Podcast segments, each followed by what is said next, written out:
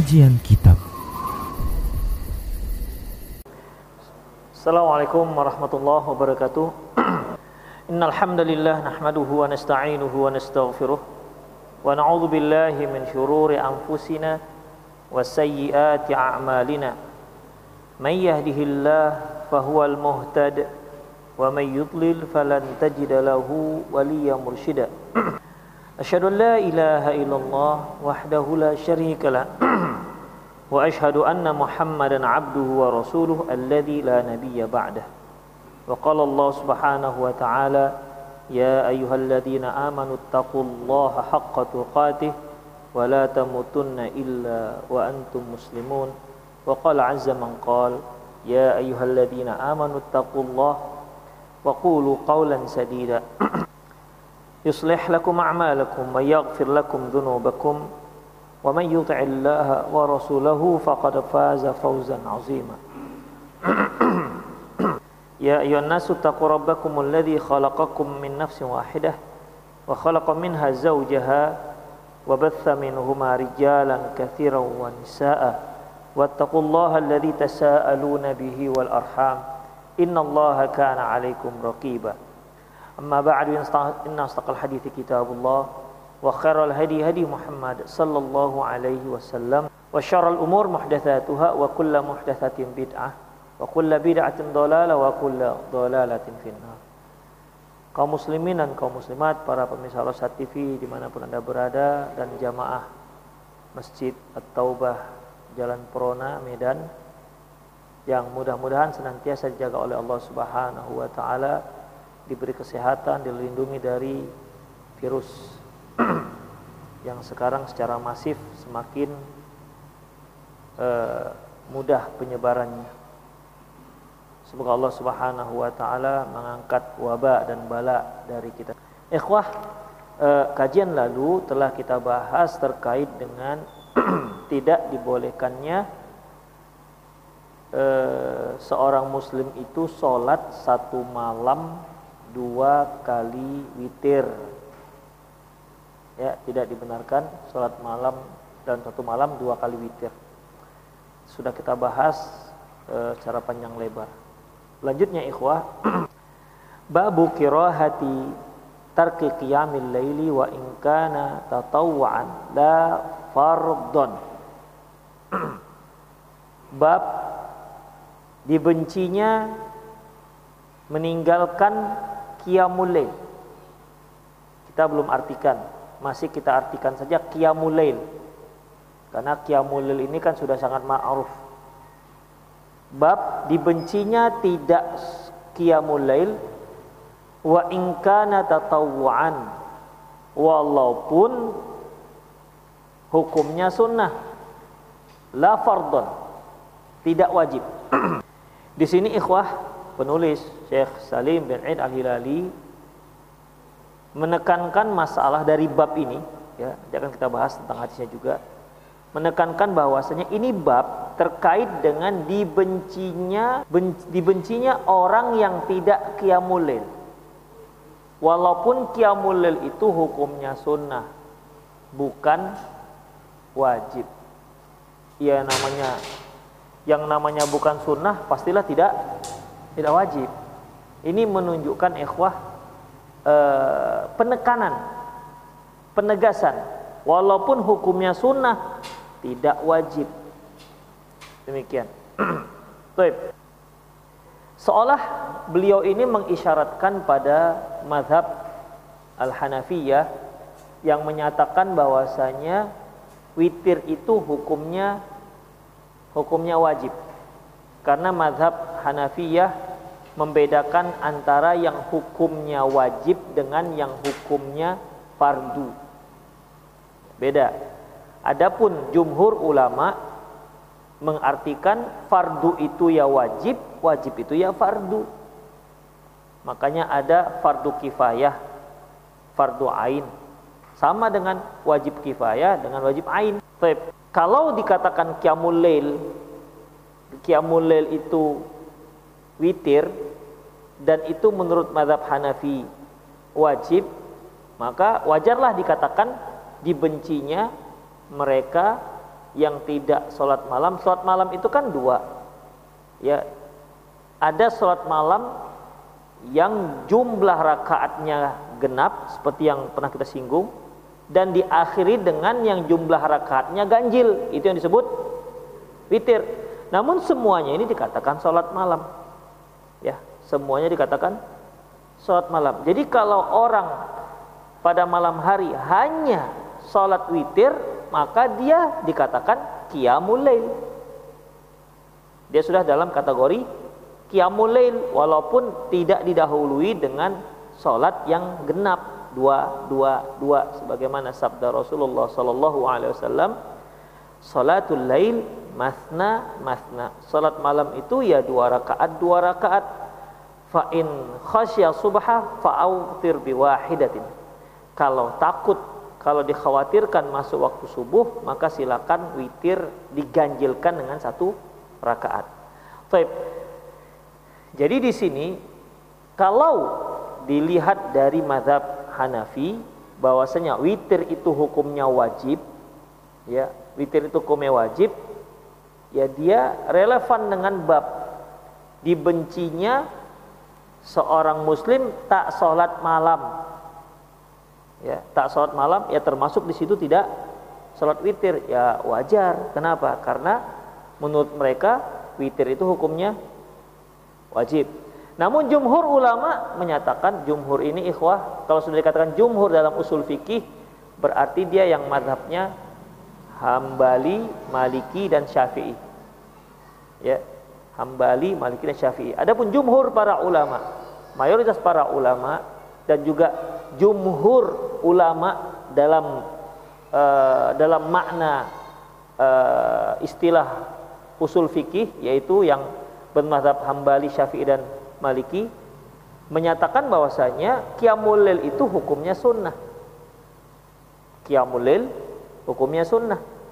Baik yang syafa'nya, yang rakaat ganjilnya maupun yang rakaat baik yang rakaat genapnya maupun yang rakaat ganjilnya atau yang disebut dengan witir. Demikian ikhwah. Nah, di sini babnya babu kirahati tarkil qiyamul lail tarki qiyamul qiyamil laili wa in kana tatawwuan la fardhon. Bab dibencinya dibencinya meninggalkan salat malam walaupun hukumnya wajib. Walaupun hukumnya sunnah bukan wajib. Jadi tadi seperti isyarat eh, apa namanya yang bermadhab Hanafi. Atau bisa jadi qiyamul lail ini dibenci ditinggalkan jika qiyamul lail itu hukumnya berubah dari sunnah menjadi wajib. Apa contohnya? Kok bisa qiyamul lail dari sunnah menjadi wajib? Bisa hmm? bisa nggak qiyamul lail yang hukumnya sunnah menjadi wajib Hah? bisa bisa Ah, gimana kalau bisa? Ah, nazar. Ya nazar. Seorang bernazar dia kiamulil tiga hari, maka dia menjadi wajib melaksanakan kiamulil tersebut. Kiamulil yang hukumnya sunnah berubah menjadi wajib. Demikian ikhwah. Ya kan kalau orang nazar tidak bisa dia menazarkan sesuatu yang wajib saya bernadar, saya bernadar. Ya biasanya kalau kebanyakan orang itu bernadar dikaitkan dengan sesuatu. Kalau saya sembuh, saya akan sholat zuhur. Ini bukan nadar, ente sembuh nggak sembuh tetap wajib sholat zuhur. Nadar itu terkait dengan sesuatu yang sunnah atau sesuatu yang hukumnya mubah. Sesuatu yang hukumnya mubah gara-gara nadar bisa menjadi wajib. Sesuatu yang hukumnya sunnah gara-gara nadar bisa menjadi wajib. Demikian. Tapi sesuatu yang hukumnya wajib gara-gara nazar tidak bisa. Dia tetap wajib. Nadar itu tidak bisa dengan yang wajib. Demikian ikhwah. Apa gara-gara dia nadar yang wajib jadi sunnah? Kan tidak. Saya bernadar, kalau saya sembuh, saya nggak sholat zuhur sebulan. Astagfirullah. Itu bukan nadar, Barang siapa yang bernadar karena maksiat, man li, li, li, li maksiatillah fala ya'sih. barang siapa yang bernadar untuk bermaksiat kepada Allah jangan dia durakai Allah artinya jangan dia laksanakan nadarnya Baik, demikian ikhwah itu masalah bab ya baik baik yang kiamulilnya yang berhukum dengan hukum wajib seperti mazhab Hanafi atau yang dia nazar kiamulil itu yang menjadi wajib ya maupun kiamulil yang hukumnya sunnah ya yang hukumnya sunnah. Dua-duanya dibenci jika ditinggalkan. Baik. Dalilnya apa? An Abdullah bin Mas'ud radhiyallahu anhu. Dari Abdullah bin Mas'ud radhiyallahu anhu qala dia berkata dzukira inda Nabi sallallahu alaihi wasallam rajulun qila faqila. Disebutkan seorang laki-laki di sisi Nabi sallallahu alaihi wasallam. Faqila ya dikatakan mazalana iman laki-laki tersebut mazalana iman dia masih molor tidur hatta asbaha sampai masuk waktu subuh maqama ila sholat dia tak juga berdiri melaksanakan sholat disebutkan kepada beliau seorang laki-laki yang molor satu malaman tidur sampai subuh faqala ya dia molor nggak sholat sampai subuh. Fakola maka Rasulullah mengomentari laki-laki tersebut balas syaitanu fi udunihi. Orang tersebut sudah dikencingi setan. Orang tersebut sudah dikencingi setan. Dalam riwayat yang lain fi udunaihi. Orang tersebut kedua telinga orang tersebut sudah dikencingi setan. Demikian ikhwah rahimani Allah wa iyyakum. Nah, sekarang permasalahannya yang dikatakan mereka yang so, yang tidur pada isya terus molor sampai subuh yang dikategorikan dikencingi setan dua telinganya apakah yang tidak sholat tahajud jamulil ataukah yang tidak sholat subuh? Ini dia. Di sinilah para ulama berbeda pendapat tentang masalah ini. Saya ulangi ya.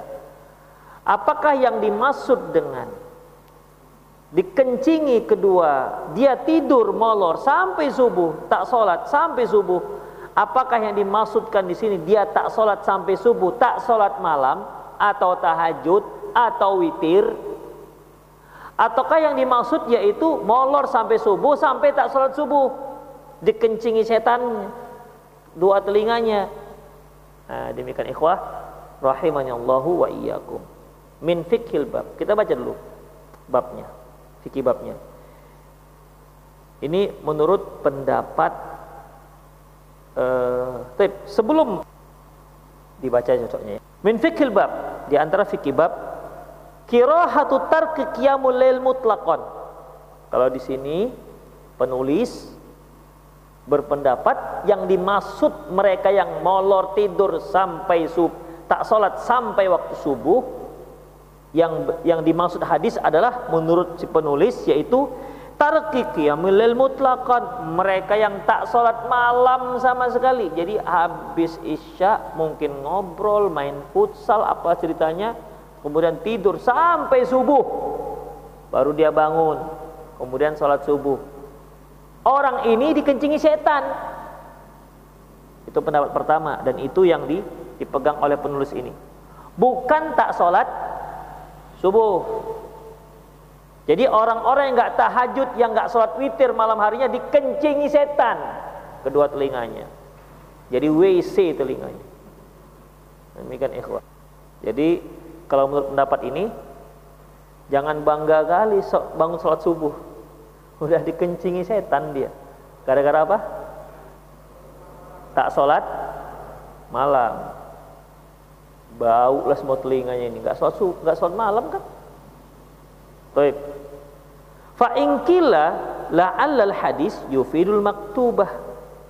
Apabila ada yang mengatakan mungkin yang dimaksud hadis adalah yang sholatnya wajib. Seperti tadi. Ya, seperti tadi. Ada kemungkinan yaitu yang berpendapat seperti mazhab Hanafi yang mengatakan apa tadi? Halo? yaitu witir itu wajib atau yang mana? Satu lagi, yang bernazar. Ya, yang bernazar salat malam yang menjadi wajib. Atau bisa jadi yang dimaksud adalah sholat subuh. Jadi so, jadi tidur pada malam hari sampai tak sholat subuh. Sampai tak sholat subuh. Maka dikencingilah kedua telinganya. Jadi fa in qila la'allal hadis yufidul maktubah apabila ada yang mengatakan mungkin yang dimaksud itulah adalah sholat sholat sholat sholat qiyamul yang wajib atau yang dimaksud adalah sholat subuh. Jadi kalau dia kalau dia bermadhab Hanafi gak sholat malam dikencingi setanlah dia telinganya. Kalau dia bernadar tak sholat malam bernadar uh, kalau dia bernadar sholat malam tapi tak juga dilakukan dikencingi setanlah dia. Ya misalnya dia bernadar saya kalau sembuh maka saya malam Senin ini akan sholat tahajud. Ternyata enggak bangun dikencingi setan lah dia. Itu yang kedua. Yang ketiga atau yang dimaksud yaitu gak sholat subuh. Apabila ini yang dimaksud ya fakultu maka aku katakan fahmul Bukhari wa Ibnu Khuzaimah wal Munziri yadullu ala annahu qiyamul lail maka aku katakan bahwasanya Imam Al-Bukhari, Imam Al Ibnu Khuzaimah dan Imam Al-Mundiri memahami bahwasanya itu hadis adalah termasuk qiyamul lail walaupun dia hukumnya yang sunnah. Tip. Sekarang kita bahas ikhwah rahimanallah. Sampai di sini keterangan penulis. Sebagaimana yang kita katakan tadi bahwasanya ya ada yang menyatakan bahwasanya yang dimaksud ini adalah sholat subuh. Karena di situ ada ada penyebutan dikencingi setan kedua telinga. Kalau seandainya yang dimaksud adalah qiyamul lail, salat tahajud, apakah witir ataukah salat tahajud yang lainnya yang penting salat setelah Isya, ya. Apabila yang dimaksud adalah qiyamul lail, bukankah qiyamul lail hukumnya sunnah? Masa orang tak kiamulil dikencingi setan, begitu ya? Masa kiamulil dikencingi apa? Di, enggak, kalau kalau nggak bangun dikatakan dikencingi setan, jadi seolah kiamulil itu menjadi wajib. Nah demikian. Taip. Kemudian, lantas bagaimana kalau seandainya orang yang memang tertidur, orang yang memang tertidur dari sholat subuh, Apakah juga dikencingi setan? Apakah juga dikencingi setan? Jawabannya, kalau yang bermadhab yang dimaksud ini adalah sholat subuh, mereka menjawab, enggak, kalau tertidur tidak. Mengapa demikian? Karena Rasulullah Shallallahu Alaihi Wasallam pernah pernah enggak kesiangan sholat subuhnya?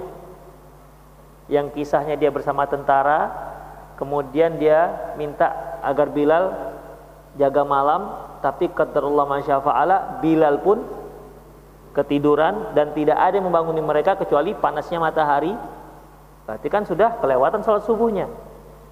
Apakah waktu itu dikatakan Rasulullah itu dikencingi setan? Nah kan gitu. Ya.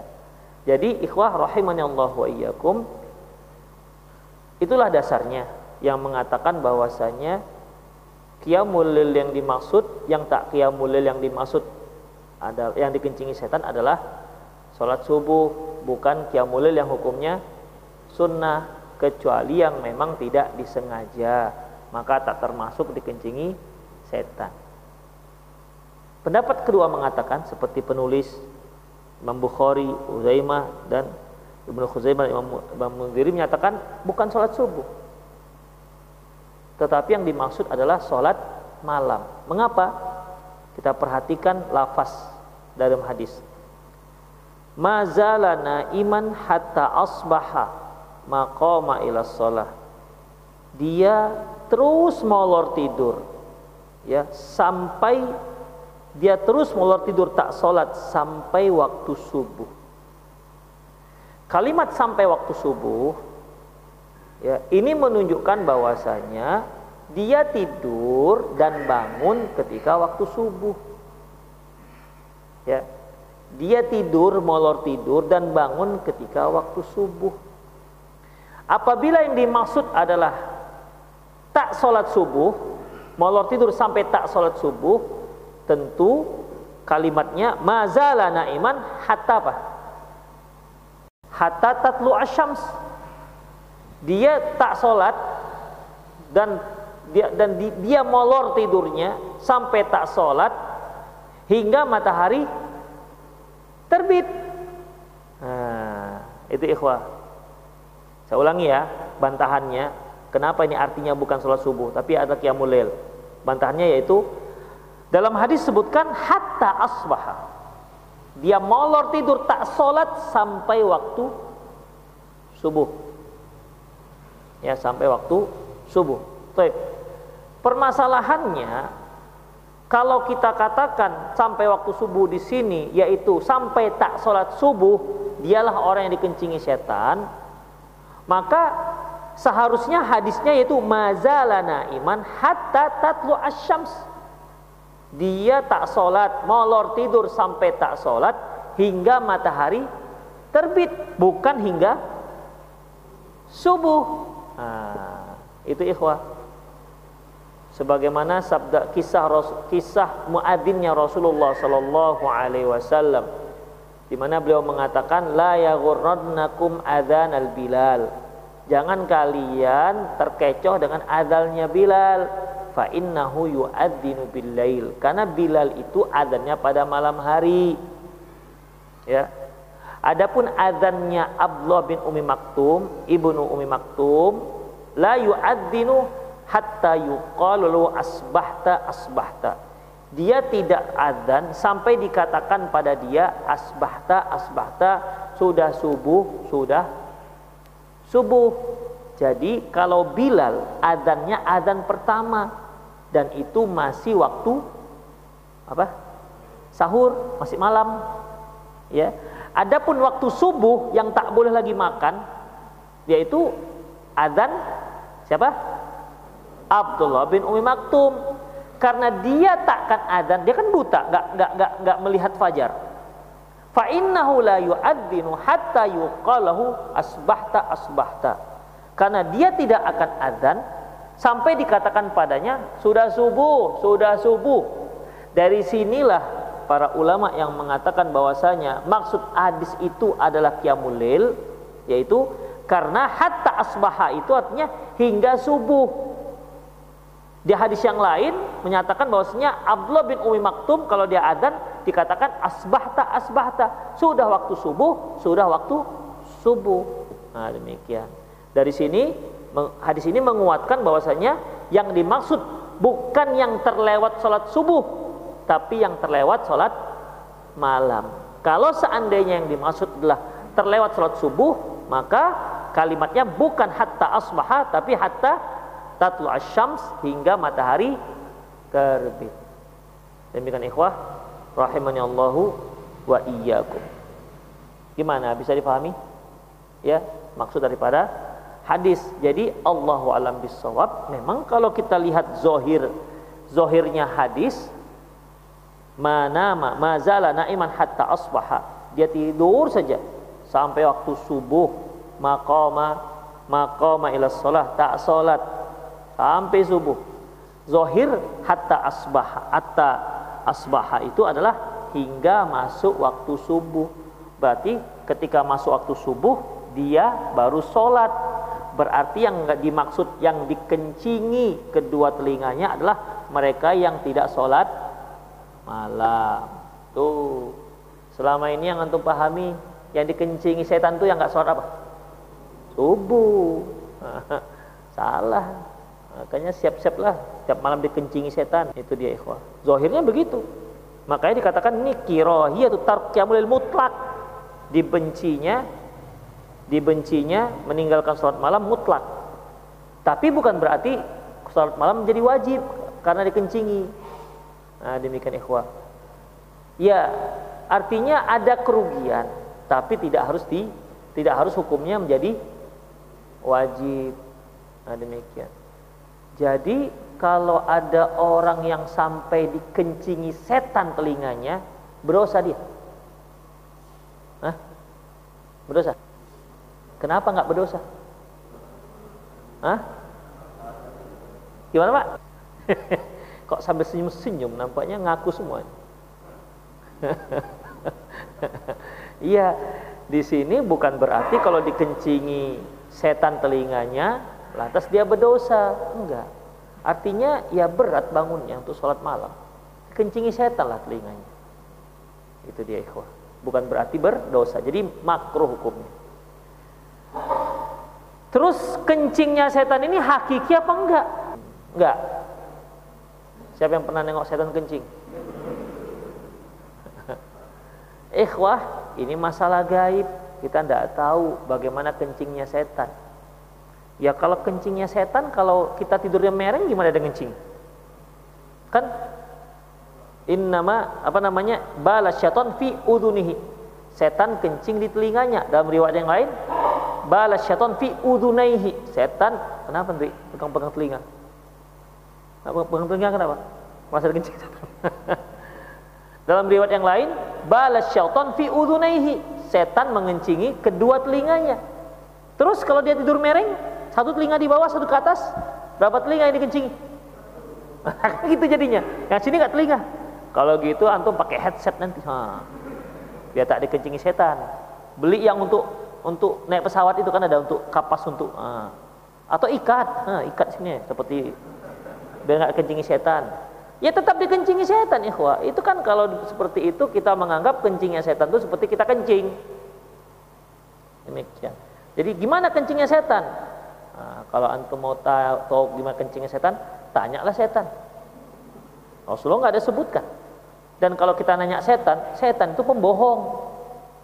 Setan pembohong, ya Jangan percaya.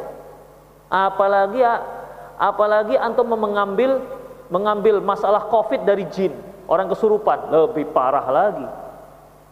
Kan ada kisahnya kan ustadz yang semangat bahwasanya ini ini ada konspirasi segala macam, dia ambil mak-mak yang lagi kesurupan datanya.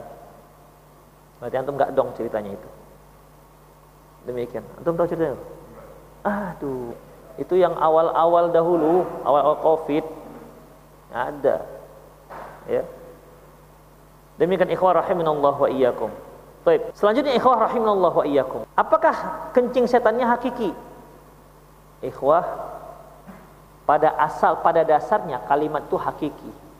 Tidak boleh kita mengartikan ke makna majazi kecuali ada datanya. Seperti misalnya saya katakan datang singa atau singa masuk masjid. Kira-kira gimana? Apa yang pertama sekali yang antum pikirkan? Singa betulan apa singa ecek-ecek? Singa ecek-ecek. Hah? Singa betulan, ikhwah. Eh, singa masuk rumahmu. Apa yang kita artikan dari singa itu? Hah? Hah? Singa betulan, ikhwah. Mungkin kita mikir, masa sih singa ada? Kan gitu. Ada di kota, eh, singa masuk. Pertama yang terpikir kita pasti singa hewan. Tapi masuk si, eh singa masuk ke rumah antum. Kemudian dia makan lontong. Oh, berarti maksudnya pemberani. Tapi dia suka lontong. Itu dia. ya. Karena nggak ada singa makan lontong ikhwah. Mana mau singa makan lontong? Manusia yang mau apa saja. Manusia opor boleh, lontong boleh, tempe bacem boleh, tahu boleh. Singa mana mau tahu? Ya. Tahu Sumedang pun nggak mau. Demikian manusia mau Sumedang mau Medan, apalagi yang gratis, masya Allah, tambah gurih dia. Taib, ikhwah rahimanallah wa iyyakum. Tapi kalau apa namanya kita katakan ma masuk singa, lantas singa masuk masjid, lantas dia pun berkhutbah. Oh berarti singa yang dimaksud bukan singa betulan, tapi singa seorang pemberani. Nah, itu namanya singa. Dari mana kita tahu dia adalah bukan hewan? Karena kemudian di karena ada kalimat kemudian dia berkhutbah. Mana mungkin singa betulan berkhutbah? Kemudian dia berkhutbah itulah dalil yang menyatakan bahwasanya yang dimaksud dengan singa itu bukan singa ya, singa betulan. Itu namanya dalil. Tidak boleh kita mengartikan satu kalimat kemajas hingga ada dalilnya. Ya, hingga ada dalilnya. Demikian ikhwah rahimahnya Allah wa iyyakum. Apalagi contohnya ya yang banyak pakai ungkapan-ungkapan ya itulah udah cukuplah satu atau masuk ini ya. kita tidak boleh mengartikan kencingnya setan itu majazi nggak boleh. Kenapa? Karena harus ada data. Kenapa kita katakan itu majazi bukan hakikat nah, demikian ikhwah. Jadi kita harus artikan ini di sini adalah ini memang benar-benar setan itu kencing. Memang benar-benar setan itu kencing. Ustaz bagaimana kencingnya? Tanya sendirilah, maksudnya tanya saya. Ya, karena kaifiat itu ikhwah, kaifiat kita nggak tahu. Kaifiat nggak tahu. Sampai memang kita mengetahui ada info melihat langsung pengalaman barulah kita bisa mengkaifiatkannya. Demikian ikhwah, azallahu wa iyyakum. Selanjutnya, yang model-model macam kencingnya setan dan perbuatan setan itu banyak dalam hadis. Contohnya, uh, asbighil wudu kata Rasulullah sempurnakanlah wudu kalian afwan. Rasulullah pernah bersabda idza staiqadha ahadukum falyastantir apabila salah seorang kalian bangun maka hendaklah dia masukkan air ke dalam hidungnya. Kenapa? Fa inna syaitan yabitu fi khayashimihim. Karena setan itu bermalam di rongga hidungnya. Nah, karena setan itu bermalam di rongga hidung. Jadi pada malam hari setan itu nginep di hidung kita. Jadi cara ngusirnya dengan cara masukkan air wudhu ke dalam hidung, kemudian di disisikan. Demikian ikhwah untuk mengusir setannya. Terus apakah bermalamnya setan di hidung itu hakiki apa enggak? Apa majazi? Kita katakan ya hakiki. Ya Rasulullah katakan ya bermalam di hidung ya sudah itu aja. Terus mau kita artikan apa? Bermalam di hidung. Apakah bisa kita artikan karena kita itu malas, malas itu dari syaitan? Tidak bisa ya Bermalamnya setan di hidung tidak bisa diartikan dengan malas. Bermalamnya setan ya bermalamnya setan. Antara bermalam setan dengan malas-malas itu jauh sekali, ya.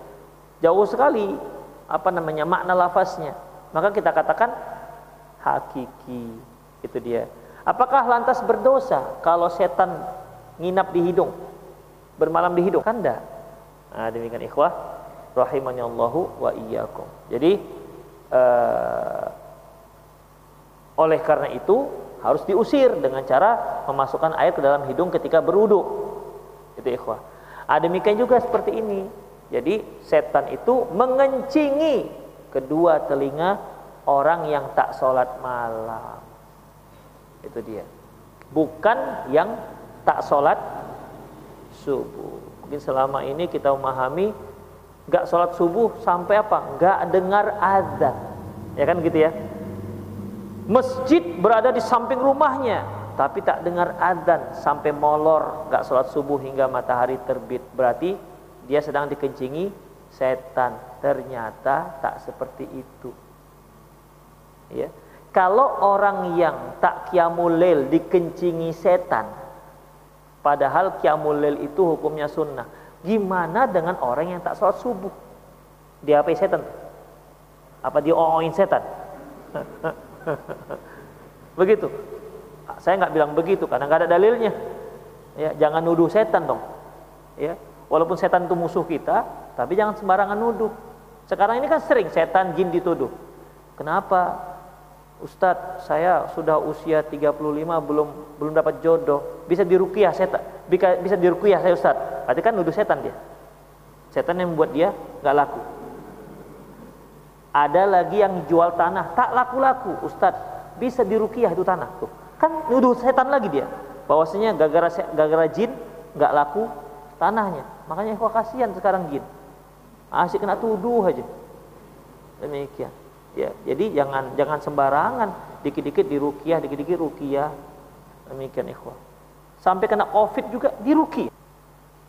Tapi ikhwah rahimahullah itulah terkait dengan masalah uh, mereka yang tak sholat qiyamul ya hingga subuh baru dia bangun itu adalah mereka yang dikencingi setan kedua telinganya. Demikian Syekh Bimbas pernah ditanya ikhwah Syekh bagaimana kalau dia sudah niat untuk sholat malam tapi tak terbangun? Apakah juga dikencingi setan? Nah itu dia. Gimana menurut antum kira-kira? Sudah niat. Kuat. Jam beker tiga satu di telinga kiri telinga kanan. Tapi nggak kedengaran. Tetap bangunnya subuh. Apakah juga dikencingi setan? Itu pertanyaan saya bimbas artinya dia sudah azam bukan yang jam beker tambahan saya ya ditanyakan saya bimbas dia sudah berazam ke, mau sholat sholat malam tapi tak terbangun apakah juga dia dikencingi setan jawaban saya bimbas zohirnya iya Kata beliau, zohirnya iya. Karena dia tidur sampai subuh. Demikian ikhwah. Berarti memang seringlah kita dikencingi setan. Demikian ikhwah. Kemudian ada lagi yang mengatakan untuk tolabul ilmi, salat malam itu wajib. Untuk tolabul ilmi, salat malam itu wajib. Makanya Imam Muhammad mengatakan aib sekali tolabul ilmi nggak salat malam nggak sholat witir minimal hype mungkin ada yang merasa alhamdulillah hawa bukan tolabul ilmi hanya ikut-ikut ngaji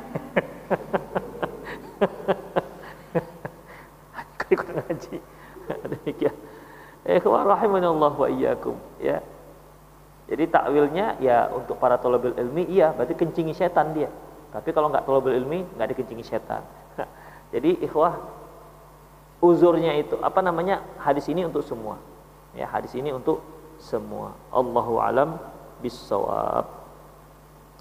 Makanya Imam Bukhari menyebutkan hadis ini dalam kitabnya bab sifatus syaitan wa junudi. Bab sifat setan dan tentara-tentaranya. Jadi Allahu alam bisawab bahwasanya yang dimaksud yang dikencingi setan mereka yang tidak sholat malam. Berarti malam ini antum sudah mulailah sholat malam. Minimal ya tiga rakaat gitu ya paling tidak ya satu rakaat lah sebelum sebelum adzan sebelum adzan bangun agak-agak lima menit ya, sholat satu rakaat begitu tapi ada sholat malamnya ya berikutnya ikhwah babu mayukrahu min, min tarki qiyamul liman i'tadah bab dimakruhkannya tak sholat malam bagi yang sudah biasa sholat malam. Berarti yang nggak biasa sholat malam nggak apa-apa gitu. An Abdullah bin Amr radhiyallahu anhu, an Abdullah bin Amr bin As radhiyallahu anhu qala dia berkata, qala li Rasulullah. Berkata kepada Rasulullah, "Ya Abdullah, la takun misla fulanin." Ya Abdullah, kamu janganlah seperti si fulan. Kenapa rupa si fulan? Kana yaqumul laili fataraka qiyamul lail Tadinya dia sholat malam, terus tak sholat lagi. Nah, macam kita sekarang lah. Tadinya sholat terawih, tak sholat lagi. Sejak satu syawal sampai sudah sepuluh zul, zul, udah mau masuk zul hijjah, belum pernah sholat malam lagi. Macam di talak tiga sholat malam. Padahal ketika Ramadan, Masya Allah sebelas rakaat. Sepuluh terakhir, ikut ikut apa namanya ikut sholat malam apa di tanggal ganjil-ganjil di PSA, masya Allah kan. Begitu masuk satu Syawal, tak sholat-sholat lagi, tutup buku di sholat malam sampai sekarang. Nah ini kan berarti ada masalah. Kita lihat dulu fikih bab. Hadis ini diriwayatkan oleh Imam Bukhari dan Imam Muslim. Min fikih bab, di antara fikih bab. Qala al-Hafiz fil Fathil Bari. Berkata Imam Hafiz Hafiz uh, Ibnu Hajar dalam Fathul Bari, wa yastambitu minhu kirahiyat kirahatun kirahatu kirahatu qat'il ibadah fa illam yakun wajibah yaitu dibencinya dibencinya menghentikan ibadah walaupun ibadah tersebut tidak wajib. Nah, inilah nasib kita banyaknya yang setelah Ramadan. Ini dia. Nasib kita yang paling banyak ini nasib kita setelah Ramadan. Ketika Ramadan dia puasa, begitu masuk satu Syawal sampai sekarang tak pernah puasa-puasa lagi. Padahal syariat kita itu tidak pernah menghentikan kita dari puasa. Habis puasa Ramadan ada puasa Syawal, ada puasa Senin Kamis, ada puasa Nabi Daud, ada puasa uh, Bid. Pilihlah salah satu, ya. Pilih salah satu. Nanti bentar lagi ada puasa puasa Arafah atau puasa di tanggal 10 di awal bulan Dzulhijjah. Itu kan kata Rasulullah sesungguhnya ma min amalin salih ahabbu ilallahi wa 'azamu indahu min min asyaral Zulhijjah. Tidak ada satu amalan soleh yang paling disukai oleh Allah, yang paling agung di sisi Allah kecuali amalan soleh yang dilakukan di 10 hari di awal bulan Zulhijjah. Para sahabat mengatakan walal jihad. Ya Rasulullah, apakah lebih hebat dibandingkan jihad? Walal jihad bahkan lebih hebat ketimbang jihad. Illa rajulun illa rajulun uh, kecuali seorang yang pergi dengan membawa dirinya dan hartanya walam yarji syai dan dia tidak pulang dengan bawa apa pun harta yang nggak dapat dia pun mati di sana kalau itu nggak bisa diimbangi tapi kalau mereka yang berjihad berjihad kemudian dia pulang sehat walafiat kemudian dia bawa harta ghanimah maka itu belum mampu menandingi amalan soleh yang dilakukan di awal bulan Dzulhijjah demikian tinggal berapa hari lagi tuh ini sekarang berapa Dzulqa'dah Hah? 20 Hah? Iya, sekitar 20-an. Berarti antum harus hati-hati tuh. Jangan sampai kelewatan. Jadi ada puasa-puasa yang lain. Ya, ada puasa-puasa sunnah yang lainnya. Maka jangan ditinggalkan puasa tersebut. Ketika Ramadan, dia baca Quran satu hari satu juz. Satu hari satu juz. Begitu masuk satu syawal, tuh Quran ditutup. Buka sadaqallahul azim katanya. Tutup, masuk laci, lemari, kunci. To be continue next Ramadan. Sampai jumpa di Ramadan berikutnya. Ini salah ikhwah.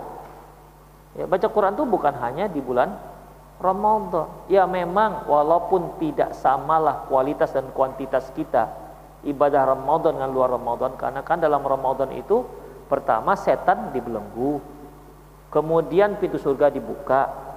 Ya, tentu kita sendiri merasakan melakukan ibadah ketaatan di Ramadan itu lebih mudah ketimbang di luar Ramadan. Makanya kan puasa di Ramadan lebih mudah ketimbang luar Ramadan.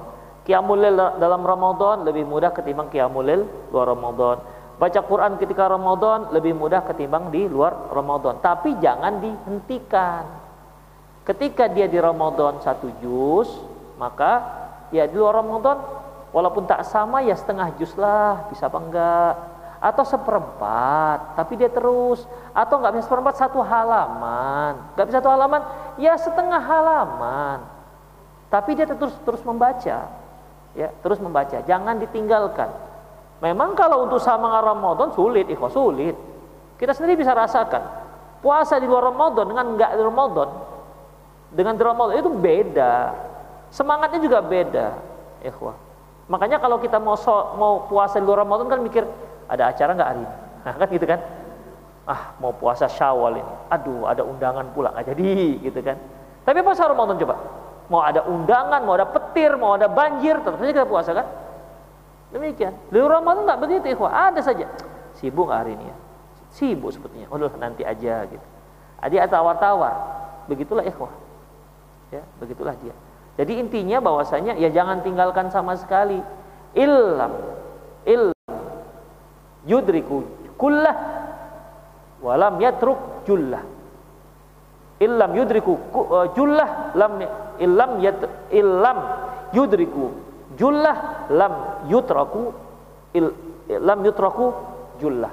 Kalaupun tidak bisa didapati semua, jangan tinggalkan semua. Yang penting ada continue tidak apa-apa sedikit setengah halaman baca Qur'annya gitu kan. Tapi terus karena itu lebih disukai oleh Allah Subhanahu wa taala. Ahabbul amal ilallah adwamuha wa in qalla. Amalan yang paling dicintai oleh Allah Subhanahu wa taala adwamuha yaitu yang paling yang paling apa? Paling kontinu wa in qalla walaupun sedikit. Itu yang kita pertahankan sekarang. Ya, sampai nanti Ramadan yang berikutnya naikkan lagi. Begitu ikhwah. Kontinuitas itu yang penting. Bahkan Hasan Al Basri pernah mengatakan, Innal hasanat, inna minal jazail hasanat, al hasanatu ba'daha. Sesungguhnya ganjaran bagi sebuah kebaikan yaitu perbuatan baik berikutnya. Jadi kalau kita berbuat baik, terus ada perbuatan baik berikutnya. Ada perbuatan baik berikutnya, berarti itu dia punya ganjaran. Ada ganjaran yang Allah berikan. Tapi kalau dia berbuat baik, kemudian setelah berbuat baik, titik sampai di situ, tidak ada perbuatan baik berikutnya, berarti nggak ada ganjaran. Perbuatan baik yang nggak ada ganjaran, tandanya nggak diterima. Itu dia. Perbuatan baik yang nggak ada ganjarannya, berarti tak diterima. Man, ya, apakah dia pahala? Gimana? Ada perbuatan baik tapi nggak ada ganjaran. Itu hanya untuk perbuatan yang nggak diterima oleh Allah Subhanahu Wa Taala ya dan inilah ibadah-ibadah yang tak membuat tak menjadikan seorang menjadi hamba yang bertakwa. Pada Ramadan kan menjadikan kita la'allakum tattaqun. Dan Allah katakan innama yataqabbalullahu minal muttaqin. Allah itu hanya menerima dari orang yang bertakwa. Demikian ikhwah. Jadi amalan yang diterima adalah amalan yang membuat orang menjadi takwa. Kalau dia nggak bertakwa, tak diterima oleh Allah Subhanahu wa taala. Dan ciri-cirinya amalan yang diterima itu adalah yang dapat ganjaran. Di antara ganjaran amalan yang amalan sebut, amalan kebaikan adalah me, menelurkan amalan berikutnya, amalan kebaikan berikutnya. Itu dia. Berarti ikhwah rahimanallah di antara ciri di antara ciri perbuatan baik yang diterima oleh Allah yaitu setelah perbuatan baik ini ada perbuatan baik berikutnya. Setelah itu ada lagi perbuatan baik berikutnya. Inna minal jaza inna minal jazail hasanah al hasanatu ba'daha. Sesungguhnya perbuatan ganjaran perbuatan baik adalah munculnya perbuatan baik berikutnya. Itulah ganjaran perbuatan baik sebelumnya. Dan perbuatan baik setelah ini, ini kalau diterima oleh Allah Subhanahu wa taala maka dia akan maka ganjaran dia adalah apa? Ganjaran perbuatan baik berikutnya. Demikian seterusnya ikhwah. Ya, demikian berikutnya. Berarti kalau ada yang menghentikan perbuatan baik, tidak menimbulkan perbuatan baik berikutnya, itu tanda-tanda itu dipertanyakan. Makanya ada yang Ramadannya sudah 30 tahun, ada 20 tahun, tapi gitu-gitu aja. Ya. Gitu-gitu aja, tak ada perubahan. Demikian ikhwah, rahimanallahu wa iyyakum. Makanya di sini benar, di antara yang bisa diambil dari hadis ini yaitu dimakruhkan kita itu menghentikan ibadah yang biasa kita lakukan. Makanya ya kitalah yang bisa memperbaiki diri kita. Innallaha alma innallaha la yughayyiru ma biqaumin hatta yughayyiru ma bi anfusihim. Allah itu tidak akan merubah nasib satu kaum sampai dia merubah dirinya sendiri. Jadi kita harus beristiqomah. Ya. Istiqomah harus sabar, ibadah itu harus sabar dan tetap berusaha sabar. Ya, Allah berfirman, "Wa'mur ahlaka bis salati wastabir 'alaiha." Suruh perintahkan keluargamu untuk salat wastabir 'alaiha dan berupayalah untuk sabar. Ikhwah, sabar ya, sabar dengan tasabur beda. Sabar itu ikhwah, kita mendapat cobaan, sabar. Nah, itu dikatakan sabar udah sabar tapi kan terkadang kita sabarnya hanya tiga hari atau empat hari atau lima hari. Ada batasnya. Kalau tasabur itu ikhwah berupaya tetap sabar. Nah itu dia. Wastabir alaiha kamu harus berupaya untuk tetap sabar melaksanakan ibadah itu. Oke kita sebulan telah sabar melaksanakan ibadah. Kita harus tetap sabar melakukan ke hari-hari yang lain. Itu namanya wastabir berupaya untuk tetap sabar.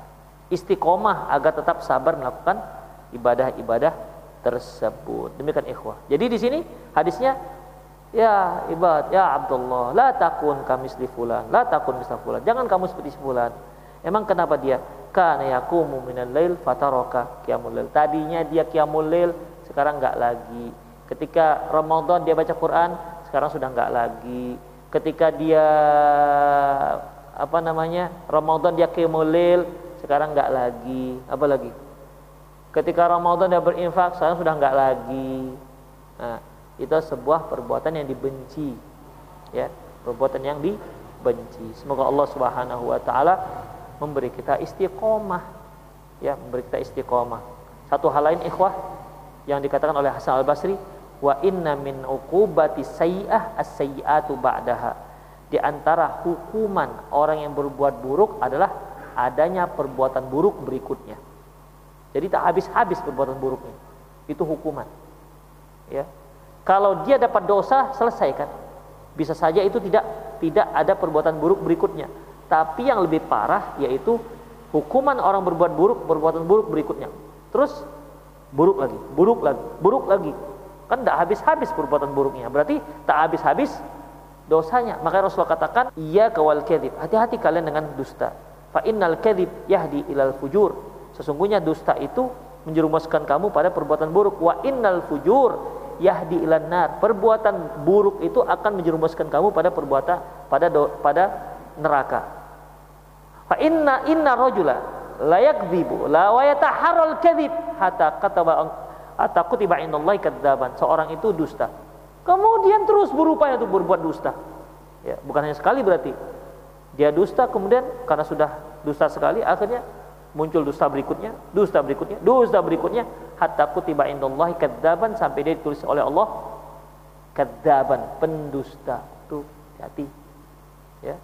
Demikian ikhwah. Jadi jangan coba-coba berbuat buruk. Cobalah sekali-sekali pengalaman. Gimana sih rasanya? Gitu. Kan ada orang yang coba-coba selingkuh. Gimana sih rasanya? Paling tidak ada pengalaman lah. Begitu. Coba-coba merokok. Supaya kita itu bisa berdakwah apa rasa rokok. Wow itu was-was setan namanya. Demikian ikhwah. Ya, jangan coba-coba berbuat dosa. Masalahnya kalau dapat hukuman adanya dosa berikutnya tak habis-habis buat dosa kita. Itu dia. Jadi ketika sudah terlanjur buat dosa, istighfar. Terlanjur buat dosa, istighfar. Demikian ikhwah. Namanya juga kita manusia ya. Kulubani Adam khata'un wa khur. Setiap anak Adam itu berdosa, setiap dosa setiap dosa yang terbaik sebaik-baik orang yang berdosa adalah yang bertaubat demikian ikhwah Baik aku lu qouli hadza wa astaghfirullah li wa lakum wal muslimin innahu wal ghafurur rahim. Silakan bagi antum yang ingin bertanya. Ya sama Pak. Ayo bait, bait, bait. Ah. Gimana? Bait ah. Hmm, ada dalilnya. Rasulullah mengatakan bahwasanya amalan anak Adam itu diangkat pada hari Kamis dan aku suka amalanku diangkat dan aku suka amalanku diangkat waktu itu aku sedang berpuasa. Ada. Ayam mubid juga ada. ada lagi? Ya mungkin dia mendoifkan hadis itu. Seperti beberapa bulan yang lalu kan ada yang mendoifkan seperti mendoifkan uh, membaca surah Al-Kahfi, misalnya gitu kan. Uh, pada hadisnya Hasan, pada hari Jumat maksudnya baca soal kafi dari Jumat. Apalagi yang didoifkannya yaitu membaca apalagi ya? Ada beberapa lah poin dicatat oleh ikhwan kita Medan. Ya. Pak Syalbani ada menghasankan mensahihkan dan seterusnya. Demikian. Ya mungkin dikarenakan menurut jitihad dia itu doif makanya dikatakan tidak ada. Allah alam yang lain silakan. Ada yang bertanya silakan. Para pemirsa yang ingin bertanya langsung juga boleh silakan uh, telepon nomor yang sudah ada di tertera di pesawat televisi Anda atau juga Anda boleh mengirimkan pesan WhatsApp melalui nomor yang sudah tertera di pesawat televisi Anda. Taip, ada dari jamaah yang hadir? Ya. Ikhwah rahimani Allah wa iyyakum. Larangan tersebut ikhwah larangan yang bisa menyebabkan tertundanya penyelenggaraan jenazah. Itu dia. Kalau kita katakan jarak kilometer, justru kejadian ketika Rasulullah SAW melarang hal itu, kejadiannya yaitu ketika terjadi setelah terjadi perang Uhud. Setelah terjadi perang Uhud. Udah, ada salah seorang sahabiah yang membawa jenazah abangnya atau adiknya ke Madinah. dan antara Madinah dengan Uhud itu nggak jauh. Ya. Antara Madinah dengan Uhud itu nggak jauh. Coba sebentar. Nah di sini Jabal Uhud. Jaraknya 3 mil hanya 3 mil dari Masjid Nabawi 3 mil berapa itu? 1 mil berapa? Nah itu nggak jauh kan? Berarti dari sini Marendal mungkin lebih jauh dari sini Marendal lagi kan? apalagi dia litua demikian ikhwah jadi kalau kalau jaraknya Allah alam bisawab yang di situ yang dimaksud yaitu eh, apa namanya Allah alam tertundanya penyelenggaraan jenazah dikarenakan dikarenakan eh, apa namanya dikarenakan eh, perpindahan perpindahan si jenazah ke ke tempat yang lain Demikian. Namun Allah alam bisawab kalau seandainya tidak sampai seperti itu ya nggak apa-apa. Misalnya dia masih masih sekitar kota Medan, begitu tidak tertunda. Tapi kalau sudah sampai misalnya dia di tebing, berarti kan tertunda berapa jam akhirnya.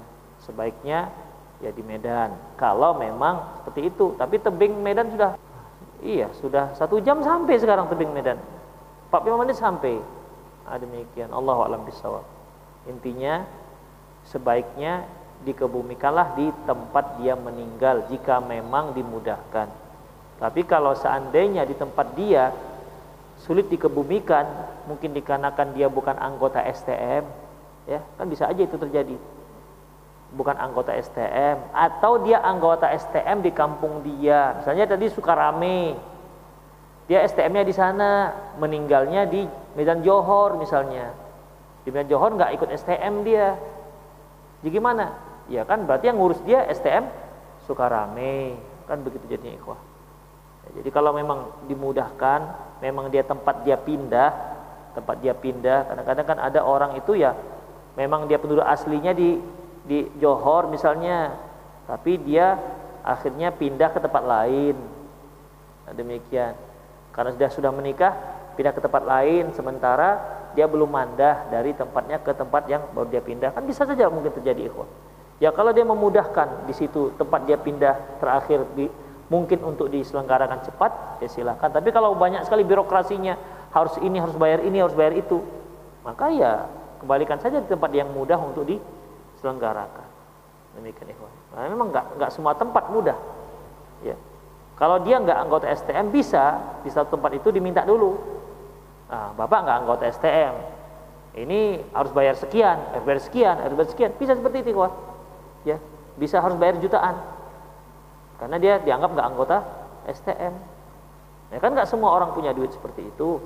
Sementara tempatnya sudah sudah terdaftar sebagai anggota STM. Demikian. Jadi intinya Allah alam bisawab kalau memang tempat dia meninggal itu mudah diselenggarakan, ya selenggarakan. Tapi kalau memang ada kesulitan birokrasi ini segala macam, di mana tempat dia mudah?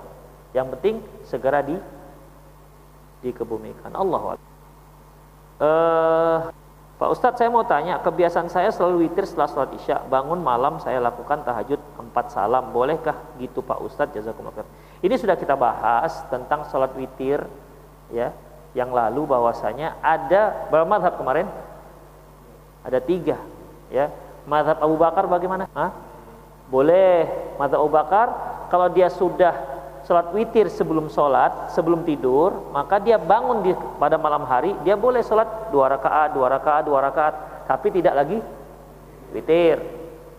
Adapun madhab tiga Abdullah, Abdullah bin Abbas, Abdullah bin Mas'ud dan Abdullah bin Umar, mereka mengatakan kalau dia sudah sholat witir pada malam hari, kemudian dia tidur, setelah dia ternyata dia bangun tidur pada ternyata dia terbangun pada malam harinya, setelah isya dia sudah Sebelum tidur dia sudah sholat witir. Ternyata dia tidur dan terbangun pada malam hari. Maka gimana mazhab mereka? Iya, ditambah satu rakaat untuk membatalkan witirnya menjadi empat. Jadi kan nggak ganjil. Nah, demikian. Baru kemudian dia seperti biasa tambah sholat-sholat lagi dan diakhiri dengan witir. Itu ikhwah. Pendapat ketiga gimana? Hanya boleh dua rakaat sebagaimana yang disebutkan dalam hadis dan ini uh, di antaranya pendapat Syekh Al-Albani rahimahullah. Demikian ikhwah. rahimani Allahu wa iyyakum. Jadi kalau uh, ibu yang bertanya ini boleh silakan. Ibu atau bapak yang bertanya boleh silakan. Yaitu itu adalah mazhabnya Abu Bakar dan Aisyah radhiyallahu anhu. Ustaz batas salat qiyamul jam berapa? Qiyamul itu setelah Isya sampai beberapa sampai kubail kubail adzanul subhi. Adzan fajar yaitu sampai beberapa saat sebelum adzan subuh. Itulah dikatakan qiyamul lail. Ya, itu dikatakan uh, waktu qiyamul lail. Dari mulai pada Isya. Dari mulai pada Isya sampai sedetik dua detik sebelum sebelum adzan subuh. Kalau sudah adzan subuh tidak lagi dikatakan qiyamul. Itulah batas akhirnya adzan subuh. Terus adzan yang mana Ustaz? Ada lima adzan tempat kami. Ada yang pas, ada yang agak mundur. Itu. Ini kan biasanya kita kalau pas sahur itu, eh, udah adzan di sana, tapi yang ini belum. Tapi yang ini belum. Kenapa? Rupanya muadzinnya lagi makan juga di. Aduh, Jadi kita pakai yang standar aja. Pakai yang standar. Ya. Sama seperti e, buka berbuka. Demikian kan? Berbuka itu macam-macam adannya. Ada yang lama adannya. Gimana? Enggak lama. Muadzinnya makan dulu dia. Udah kenyang dia baru adan. Jadi pakailah yang standar. Apa hukum membaca Al-Quran terputus karena ada yang bertanya atau ngobrol sesaat? Ya nggak apa-apa kalau terputus baca Qurannya. Misalnya kita lagi baca Quran, kemudian ada yang nanya, Pak, e, kunci sepeda motor di mana Pak? Misalnya gitu. Oh di sana. Silakan lanjutkan lagi dan lanjutkan lagi dengan A'udzubillahiminasyaitonir Lanjut lagi baca. Demikian ya. Oke ikhwah, e, demikian. Ya cukup sudah selesai. Bis. Hah? Udah mau jam 10. Kasihan yang di studio nih. Enggak pulang-pulang. Ada demikian ikhwah rahimanallahu iyyakum. Semoga bermanfaat. Aku lu qauli hadza wa astaghfirullah li wa lakum wal muslimin innahu wal ghafurur rahim. Subhanakallahumma wa bihamdik asyhadu an la ilaha illa anta astaghfiruka wa atubu ilaik. Wa sallallahu ala nabiyyina Muhammad wa ala alihi wa ashabihi jema'in. Wa akhir da'wana alhamdulillahirabbil alamin. Assalamualaikum warahmatullahi wabarakatuh.